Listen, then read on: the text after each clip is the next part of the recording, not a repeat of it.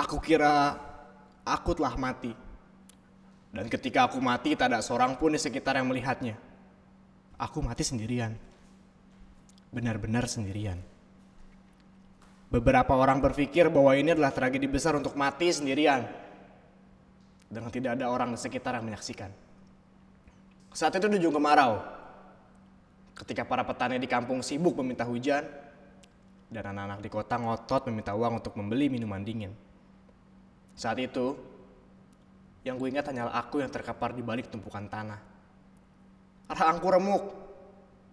Kulitku sudah tak memplester tubuhku. Sehingga daging-dagingku terurai begitu saja. Tergeletak di dalam gedangan darah. Lalat-lalat hijau bergerung-gerung di atas lambungku yang jebol. Tumpukan tanah yang bau kecing sigung menghina dinakan tengkorakku yang retak.